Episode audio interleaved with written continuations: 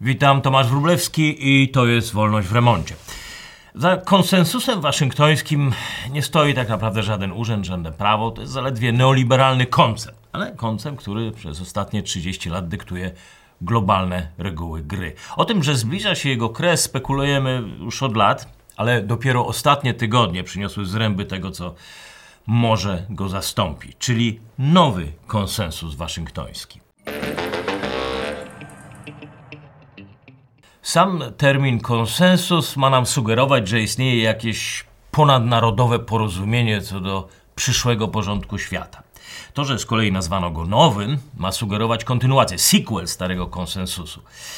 W rzeczywistości ramy tego nowego konsensusu, które zostały ostatnio zaprezentowane przez szefa amerykańskich doradców do spraw bezpieczeństwa Jacka Sullivana, są zaprzeczeniem, przeciwieństwem oryginalnego waszyngtońskiego konsensusu i w zasadzie wszystkiego, co ekonomiści, politycy, geopolitycy głosili przez ostatnie pół wieku.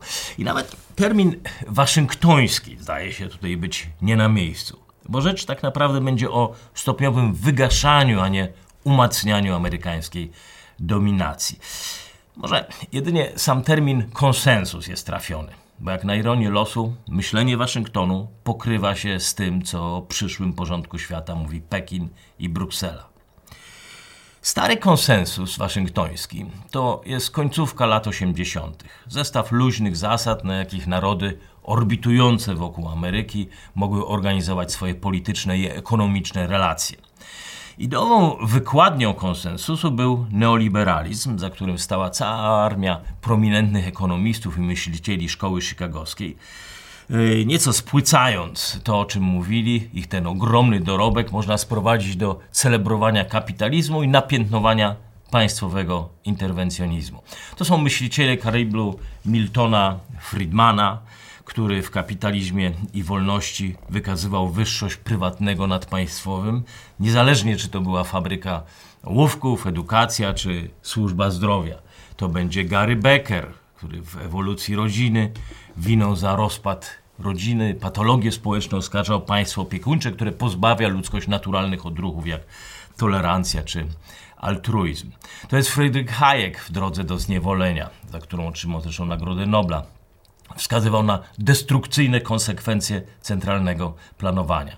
Wszystkich tutaj nie wymienię, przypomnę jeszcze tylko Jamesa Buchanana, wielkiego orędownika konserwatywnego indywidualizmu, no i oczywiście Alana Greenspana, byłego szefa rezerwy federalnej, który większość tych idei wprowadzał potem w życie. Generalnie deregulacja i mądrość rynków miały zastąpić introwertyczne prawa narodowe, czyniąc świat lepszym, bogatszym, wolniejszym oczywiście. Kolejność to jest dowolna, w zależności od tego, czy wsłuchiwaliśmy się w reganowskich konserwatystów, clintonowskich globalistów, czy naszych rodzimych balcerowiczowskich wolnościowców, a może nawet chińskich wyznawców trzeciej drogi, która choć odległa od wolnościowych haseł, to w międzynarodowych stosunkach ekonomicznych jak najbardziej wpisywała się w te neoliberalne zasady. I niezależnie co dziś myślimy o konsensusie i całej neoliberalnej wykładni, to ostatnie 30 lat były niewątpliwie okresem największej prosperity od drugiej połowy XIX wieku. Jak każda uniwersalna idea, taki neoliberalizm musiał oczywiście kiedyś utracić swoją uniwersalność. Jak każda epoka, tak też konsensus waszyngtoński dobiega końca. Czy jak to ujął wspomniany już szef doradców prezydenta Stanów Zjednoczonych Jacob Sullivan, ostatnie kilka dekad ujawniło pęknięcia w neoliberalnych fundamentach. Sullivan wystąpił z mową, która w znacznym stopniu była powtórzeniem tezy innego noblisy, Jeffa Stiglitza, który dobre 10 lat temu stwierdził, że naszej cywilizacji przyjdzie wkrótce zmierzyć się jednak z próżnią po konsensusie waszyngtońskim i szukać nowego modelu dla zachodniego świata. Nowego konsensusu, który pogodzi się z myślą, że nie ma jednego uniwersalnego podejścia do problemów tego świata i nowy ład będzie musiał zaakceptować różne modele współistnienia państw, pisał e, Stiglitz. Choć tego wprost nie powiedział, to Sullivan e, za fakt przyjmuje słabnącą rolę Ameryki i powtarza za Stiglitzem, ten moment wymaga od nas wypracowania nowego konsensusu, nowoczesnej strategii przemysłowej, zarówno w kraju, jak i z partnerami na świecie. E, Waszyngton i Pekin używają zgoła innego języka do opisywania współczesnego świata. Inaczej oczywiście definiują równowagę sił, ład geopolityczny i wszystko, co robią, ma kwestionować prawdziwość drugiej strony. Ale przesłania, jakie doradcy Bidena i doradcy Xi Jinpinga mają dla świata, są zaskakująco podobne. To, co Xi Jinping nazywa nową erą, Biden nazywa nowym konsensusem i jeżeli wyciśniemy z tej cytryny wzajemnych oskarżeń propagandowej retoryki samą esencję, to co jest najważniejsze, to ujrzymy dość spójny pomysł na zdeglobalizowany świat. Coś, co tak naprawdę i tak już się wokół nas dzieje, tylko tyle, że czeka na kogoś, kto ten przyszły ład nam nazwie, opisze. Te porwane łańcuchy dostaw, grubą linię, linią wyznaczane granice materii kulturowej. Wszystko to, co sprawia, że żyjemy w niejednej już, ale w wielu geopolitycznych rzeczywistościach. Swego czasu doskonały historyk dziejów Arnold Toynbee pisał, że ludzie żyjący na skraju, w przedziale w transformacji dwóch różnych porządków cywilizacyjnych, wpadają w zasadzkę, kiedy do nowych realiów przykładają standardy epoki, która mija, a ze swoimi frustracjami idą po pomoc do instytucji, które dawno utraciły już znaczenie. Co utrudnia żyjącym, pisał Toynbee, poruszanie się w złożoności gwałtownie zmieniającego się świata.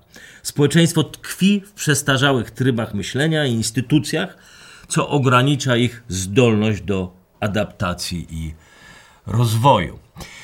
E, ale nawet on, nawet Toynbee, nie sądził, że tempo zmian może następować tak szybko. Od sławnego wystąpienia Billa Clintona, który zainicjował waszyngtoński konsensus, minęły zaledwie 23 lata. Clinton w 1999 roku obiecywał, jak mówił, całe stulecie rozkwitającego świata, przenikających się globalnych interesów. No cóż, stulecie nie przetrwało nawet, jak widzimy, ćwierć wieku. W tym samym przemówieniu Clinton przekonywał, że przyjęcie Chin do Światowej Organizacji Handlu wzbogaci Amerykanów, a Chińczyków skieruje na drogę demokracji. I nie ma wątpliwości, żartował sobie Clinton, że Chiny będą próbowały majstrować przy internecie. Ale powodzenia, śmiał się dalej Clinton. To trochę jak próba przybijania galaretki do ściany. No cóż, dwie dekady później Chiny przekształciły jednak internet w zaporę ogniową, nową wersję muru chińskiego. Konsensus waszyngtoński z kolei rozpłynął się właśnie jak ta galaretka przysłowiowa w ogniu globalnych napięć, a neoliberalne instytucje okazały się za słabe, żeby gwarantować Zachodowi dozgonny dobrobyt. Termin waszyngtoński konsensus ukuł przed laty brytyjski ekonomista John Williamson. Koncept wtedy był pełen górnolotnych, wolnościowych maksym, obudowany dziesiątkami globalnych instytucji, w większości finansowych i kontrolowanych przez Amerykanów. Bank Światowy, Międzynarodowy Fundusz Walutowy, Światowa Organizacja Handlu i dziesiątki pomniejszych instytucji czy think tanków, które promowały ideę wolnorynkowego ładu. Dziesięciopunktowa lista Williamsona opisywała postzimnowojenny świat, gdzie twardą geopolitykę zastąpić miała ekonomia, a centrum decyzyjne miało się przesunąć z zimnych gabinetów polityków do zakopconych cygarami sal korporacyjnych. Wtedy jeszcze oczywiście symbolem biznesu było cygaro, a nie mrożone latte waniliowo-sojowe. Globalne koncerny, nawigując między kontynentami, miały ucierać narodowe prawa, co z kolei miało i ułatwiało przepływ kapitału, przepływ towarów, cały handel. Jak zauważyła socjolog historii ekonomii Greta Kipner, e, polityką finansową kierowały banki, a nie Ministerstwa Finansów, handlem Wall Street, a nie rząd. W rezultacie na całym świecie spadały krańcowe stawki podatkowe, czyli po prostu podatki, znikały bariery handlowe, a rządy outsourcowały swoje zadania. Profesor David Harvey z kolei w krótkiej historii neoliberalizmu, polecam zresztą książkę, porównał szerzenie się idei neoliberalnej do rozprzestrzeniania się największych religii chrześcijaństwa czy islamu. Od Ameryki Południowej po wschodnią Azję. Świat żył po prostu w przekonaniu, że znalazł odpowiedź wreszcie na wszystkie problemy ludzkości. Sam zresztą jestem członkiem takich wielu e, międzynarodowych instytucji, które pławią się w bańce swoich wolnościowych idei i muszę powiedzieć, że im bardziej sami siebie przekonujemy do tych idei, tym mam wrażenie, że bardziej niewolnościowy staje się świat wokół nas. Noblista Robert Schiller, wyjątkowa postać w świecie behawioralnej ekonomii, jakieś chyba 4 lata temu, wydał genialne dzieło Narracja ekonomiczna. Schiller sporo miejsca poświęcił tam właśnie neoliberalizmowi, fenomenowi, który zawładnął polityką gospodarczą, ale nade wszystko zawładnął naszą świadomością. To, że do dziś tak ciężko jest nam się rozstać z myśleniem i z mechanizmami wykutymi jeszcze w końcu w latach 70., w dużej mierze wynika z bogactwa tej opowieści, opowieści o neoliberalizmie. Składają się na nią nie tylko twarde ekonomiczne rachunki, ale też osnowa kulturowa, cała legenda z własnym mitycznym bohaterem, czy w tym wypadku bohaterami. Historia tak naprawdę swoje korzenie ma w latach 50. poprzedniego wieku w kultowej powieści rosyjskiej emigrantki Ayn Rand. Atlas zbuntowany. Powieść opowiada o wielkim narodowym strajku twórczej, produktywnej części społeczeństwa i to miał być bunt przeciwko grabieżcom, którzy wspierają regulacje rządowe, nadmierne podatki dla finansowania swojej bezczynności i celebrowania egoistycznych, socjalistycznych fantazji. Atlas Rand myślę, że znajdziecie Państwo w domu każdego wolnościowca. W Polsce, w całej Europie, w Ameryce, wszędzie. Wisi też u nas w Świetlicy Wolności. Zapraszam. Powieść w latach 80., w zasadzie już po śmierci Rand, trafiła na bardzo podatny grunt. Opresyjne państwo lat 70., bezlitosne podatki, które w przypadku Szwecji sięgały 102%. W Stanach Zjednoczonych E, podatki obciążające bogatych sprawiały, że wielu właścicieli nie stać było nawet na mieszkanie w własnym domu. Ayn Rand pisała oczywiście w zupełnie innych czasach, ale jej książka na nowo właśnie odżyła w latach 70., pod koniec 70., 80. i ta narracja o rewolcie podatkowej stała się trochę jak wirus. Wirus to jest termin, którego właśnie używa Schiller, twierdząc, że wielkie przemiany systemowe i ekonomiczne są jak Pandemia, wolnorynkowa, leseferystyczna narracja po drugiej połowie XX wieku była jak pandemia. Zaraza potrzebowała jednak nie tylko kultowej opowieści, którą dostarczyła Rand, ale też mitu założycielskiego. W 1974 roku dziennikarz Wall Street Journal Jude Waniński opisał lunch. Lunch, do którego dosiadł się przypadkowo, to było dwóch republikańskich wyjadaczy i ekonomista Lafer, który na serwetce w restauracji nakreślił im prosty model zależności wpływów budżetowych od wzrostu podatków. Pokazywał, że nadmiar podatków po przekroczeniu masy krytycznej powoduje spadek wpływów. Legendarna serwetka zresztą z czasem trafiła i do dziś jest w Muzeum Narodowym w Waszyngtonie. Też polecam, gdybyście Państwo byli. Wcześniej jednak stała się kwintesencją absurdalności tych ekscesywnych podatków i wszystko, czego teraz ta legenda, ta opowieść potrzebowała, to potrzebowała swojego aktywnego bohatera. Kogoś, kto potrafi przekuć serwetkę w narrację, a narrację potem w politykę. I to był Ronald Reagan. Może średni aktor, ale genialny komunikator. Government's view of the economy could be summed up in a few short phrases. If it moves, tax it. If it keeps moving, regulate it. To jest ta sławna opowieść. Jak się rusza, to podatkuj, jak dalej się rusza, to ureguluj, a jak wciąż żyje, to subsydiuj. I ta opowieść swego czasu porwała Amerykę, a powszechna wiara w wyższość ograniczonego, minimalnego państwa do dziś nie daje spać socjalistom, którym ciężko jest przebić tą reganowską narrację.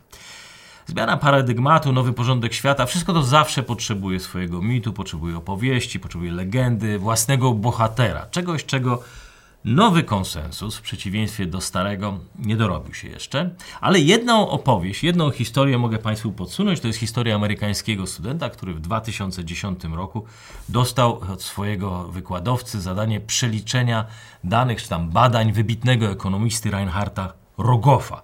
E, praca Rogowa posłużyła Funduszowi Walutowemu do narzucenia Grecji drakońskiego programu oszczędnościowego, który, jak pamiętamy, zamiast przynieść e, państwu ulgę i wyjście z recesji, doprowadził do jeszcze większej zapaści Grecji. Historia jest długa, także powiem tylko, że student wykazał błędy w liczeniu Rogofa i napisał, że gdyby Fundusz Walutowy dobrze przeliczył, to nigdy by pewnie tego programu nie implementował, a Grecja szybciej wyszłaby z zapaści, niż gdyby stosowała tą neoliberalną kurację.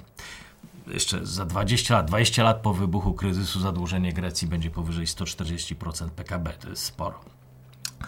Sprawcą całego tego zamieszania, twierdzi Sullivan, jest neoliberalna ortodoksja, czyli beznamiętne i bezrefleksyjne forsowanie rozwiązań rodem z zupełnie innego świata, innej rzeczywistości. Zdaniem Sullivana neoliberalne recepty po prostu nie przystają do współczesnej gospodarki, do gospodarki cyfrowej.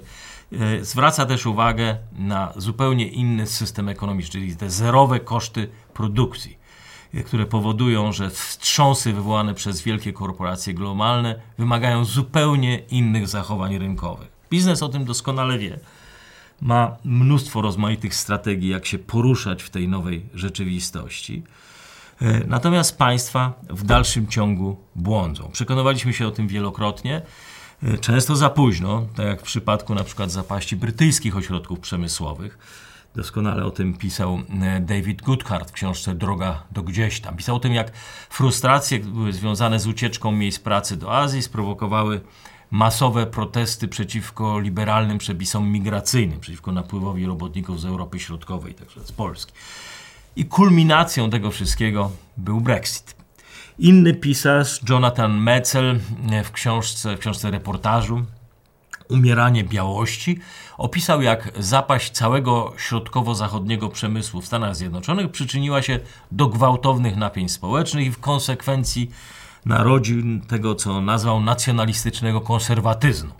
Tego konserwatyzmu, który eksploatował dalej Donald Trump i dziś, o ironio, celebruje go Biden.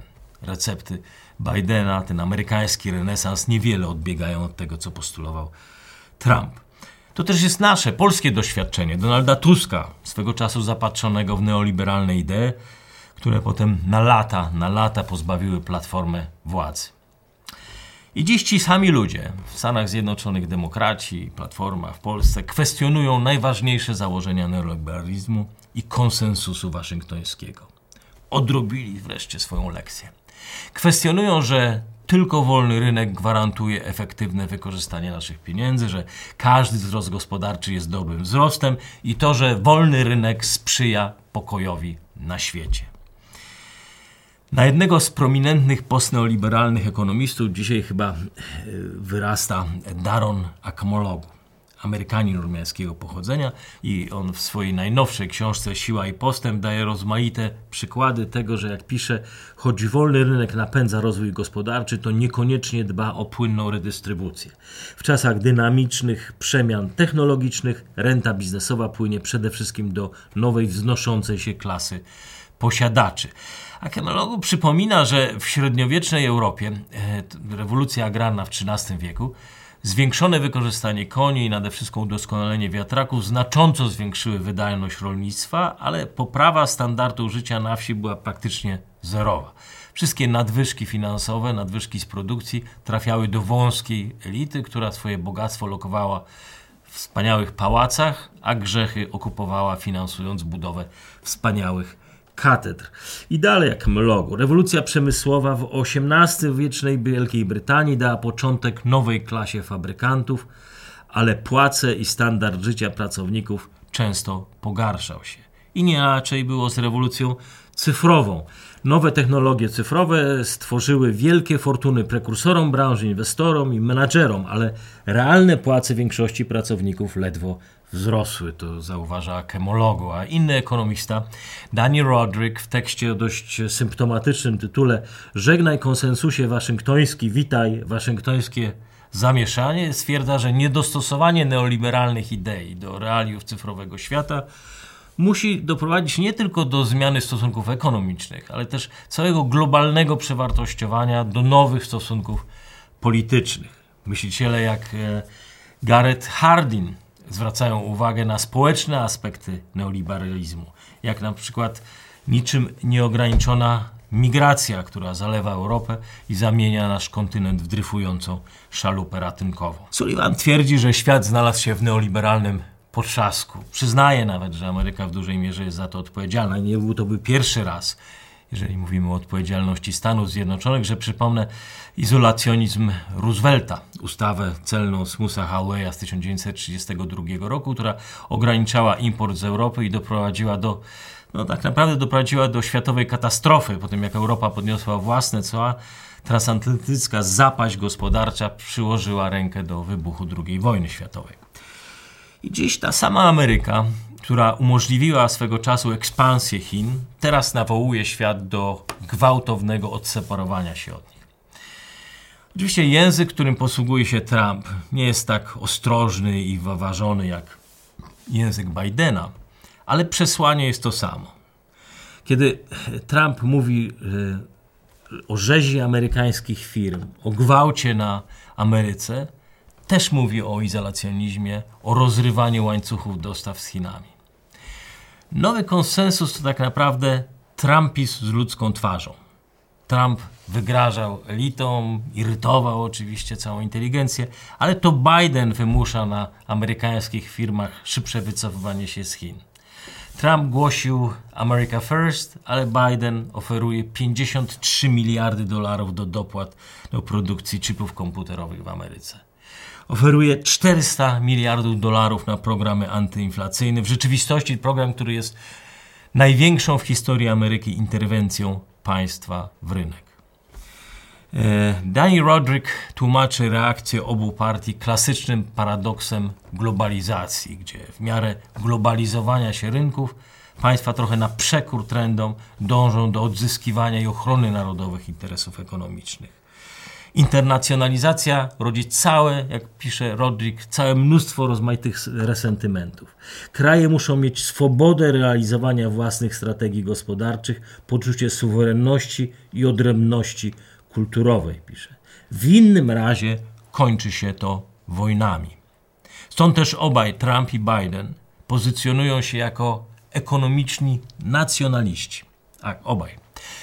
Różni ich oczywiście podejście do kwestii społeczno-obyczajowych. Trump, ale też DeSantis e, łączą tą narodową politykę gospodarczą z konserwatywnym społecznym, Biden z liberalizmem społecznym. Ale obaj porzucają neoliberalne zasady starego porządku. Obaj, każdy swoimi słowami mówią o narodowej strategii przemysłowej i każdy na swój sposób odchodzi od waszyngtońskiego konsensusu. Biden nazywa to nowym konsensusem, a Trump America First. To nie jest opowieść o Ameryce. To jest opowieść o amerykańskim ładzie geopolitycznym, rozmontowywanym od środka przez samą Amerykę. To nie Chiny, to nie Rosja demontują amerykański porządek świata, ale sama Ameryka. I niezależnie od tego, kto wygra wybory w 2024 roku, to Stany Zjednoczone nie będą zawierać nowych umów handlowych. To Stany Zjednoczone nie będą negocjować globalnych norm cyfrowych, nie będą przedłużać starych paktów, nie będą przestrzegać orzeczeń e, Światowej Organizacji Handlu i nie będą wspierać reform z Bretton Woods. Nic nic nie zrobią, co może osłabić Amerykę, dolara, co może osłabić ich wewnętrzny rynek. Ale oczywiście fragmentaryzacja geopolityczna to też są niemieckie przebudzenia narodowe. Po tym jak wraz z Nord Stream 2 na dno poszedł niemiecki model ekspansji polityczno-gospodarczej, kanclerz Scholz wrócił do tradycyjnej niemieckiej narodowej tożsamości. Pamiętacie Państwo, Niemcy jako integralna siła, Niemcy jako gwarant ładu europejskiego, Niemcy jako koło zamachowe gospodarki Europy, Niemcy jako największy dostawca broni. To są cytaty z ostatnich miesięcy. I niezależnie od tego, ile w tym jest realnej zmiany, a ile opowieści tylko na potrzeby wewnętrznej polityki, to jest zmiana narracji bardzo ewidentna, znacząca dla polityki europejskiej. Niedawno Komisja Europejska opublikowała raport, z którego wynika, że wbrew wspólnej retoryce bariery handlowe wewnątrz Unii rosną zamiast maleć. I jak zauważa Financial Times, Bruksela reaguje teraz coraz rzadziej i toleruje coraz większą fragmentaryzację rynku. Coraz bardziej kategoryczna staje się natomiast w kwestiach separacji Europy z Chinami. Choć tutaj szefowa oczywiście Komisji Europejskiej von der Leyen używa mniej dosadnego języka niż Amerykanie, e, używa takiego terminu de-risking, zmniejszanie ryzyka, co ma być taką łagodniejszym sformułowaniem niż te amerykańskie decoupling, taki twardy izolacjonizm, geopolityczne rozjeżdżanie się kontynentów. Ale z kolei, jak zauważa Economist, jedno to słowa, a drugie to realia. Jeśli Unia Europejska zablokuje inwestycje w Chinach i nazwie to zmniejszaniem ryzyka, to Chiny nazwą to i tak izolacjonizmem i słowo stanie się faktem. I ucieczka od chińskiego rynku jest coraz bardziej ewidentna. Ameryka już przesunęła większość swojej produkcji do innych państw na świecie. W tym roku pierwszy raz od ćwierć wieku amerykańska produkcja przemysłowa umieszczona w innych państwach południowej Azji była większa niż w Chinach. Zachodni protekcjonizm i izolacjonizm, jak na ironię losu, doskonale wpisują się w wielki projekt chińskiej też koncepcji przebudowy porządku świata. Nasz autor Andrzej Talaga w analizie e, opublikowanej na łamach Warsaw Enterprise Institute zwrócił uwagę, że Chiny pod rządami Xi e, również dojrzą do odtworzenia XIX-wiecznego modelu rywalizacji suwerennych państw. Jak pisze, gdzie spoiwem są nie tylko wolne społeczeństwa i jednostki z ich prawami, ale dążenie do stanu idealnej równowagi niezależnych państw. A tym, co ma motywować narody do współpracy, są interesy, a nie wartości. Każde z nich w ramach ekwilibrium mogłoby zachowywać własny ustrój i nikt nie miałby prawa narzucać im praw i zasad. Interesy, a nie wartości.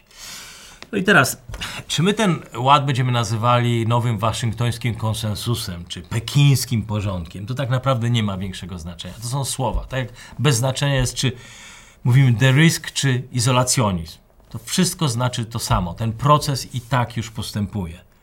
Stąd też śmielsze stają się próby budowania alternatywnych tych platform współpracy. Sojusz ASEAN, Sojusz Państw Południowo-Wschodniej Azji od Brunei po Wietnam, podpisał ostatnio deklarację woli o ograniczeniu dolara w międzynarodowych transakcjach na korzyść ich rodzimych walut. E, dalej, nowy Bank Rozwoju w Szanghaju, lepiej znany jako BRICS Bank, finalizuje obecnie umowę członkowską z Arabią Saudyjską, co nie tylko zwiększy ilość pieniądza, potencjał inwestycyjny, ale wreszcie da też państwom, które objęte są sankcjami, alternatywę do zachodnich banków. Jak na razie żadna z tych inicjatyw oczywiście nie stanowi zagrożenia ani dla dolara, ani dla euro, ani dla Ameryki, ani Europy, ale pokazuje, potwierdza pewną dynamikę zmian. Świat jest po prostu jak w kalejdoskopie migoczącym coraz to nowymi konstelacjami, paktami, nowymi formatami, które w miarę jak wygaszać będzie się wojna w Ukrainie, zaczną się krystalizować w nowy ład. Dziś jeszcze te przesunięcia wydają nam się dość anachroniczne, nielogiczne, ale myślę, że wkrótce okażą się spójne, oczywiste i w pełni logiczne. Do tego czasu kalejdoskop pozostanie w ruchu. Nie ma bowiem jednej konstelacji, jednej możliwości, w jakim kierunku to ma iść. Wszystko jest w grze, a reguły gry zmieniają się w miarę postępowania zmian. Ameryka pozostaje dalej najpotężniejszym państwem na świecie, ale nie ma już ambicji ratowania ani modelowania świata na swoje podobieństwa. Chce, żeby to świat teraz łożył na Amerykę i żeby to świat pomagał eliminować jej wrogów. Wolny i globalny rynek ma być ograniczony do przyjaciół, których lista nie jest już tak czarno-biała jak niegdyś, bo obok Chin, Rosji, Iranu, tych takich zdefiniowanych wrogów, jest cała, całe mnóstwo państw, które mogą szybko wylądować na szarej liście, dostaną objęte całami zaporowymi, karnymi, tylko dlatego, że z jakichś powodów Ameryce są nie po drodze. I w drugą stronę, pozornie mało znaczącymi państewkami jak Republika Papuinowej Gwinei, Federacja Stanów Mikronezji, E, Wyspy Marszala. Ameryka zawiera twarde umowy, jak z dużymi państwami, oddaje im honory, oferuje pieniądze z uwagi na strategiczne znaczenie dla amerykańskiej marynarki wojennej.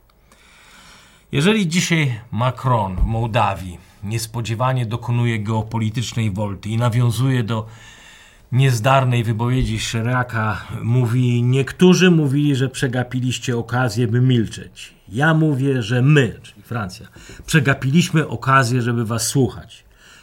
Ten czas już minął. Kiedy to mówi, to wszystko znaczy tyle tylko, że kalejdoskop jest dalej w grze. Pozycjonowanie państw i mocarstw, szukanie nowych sojuszników trwa. I Macron doskonale wie, że ten czas to jest czas Europy Środkowej. Od tego, kto tu w Polsce, w Pribałtykach, Rumunii zbuduje wpływy, zależeć będzie europejski porządek. Ukraina wciąż pozostaje w stanie wojny i długo jeszcze będzie stawiała po niej na nogi, ale Europa od Odry po Doniec, od Bałtyku po Morze Czarne zaczyna być już czymś więcej niż czysto akademicko-dyplomatycznym konceptem. Frankońsko-germańska Europa, coraz bardziej w tyle za konkurencyjną, innowacyjną Azją i Ameryką, musi szukać nowego modelu wzrostu.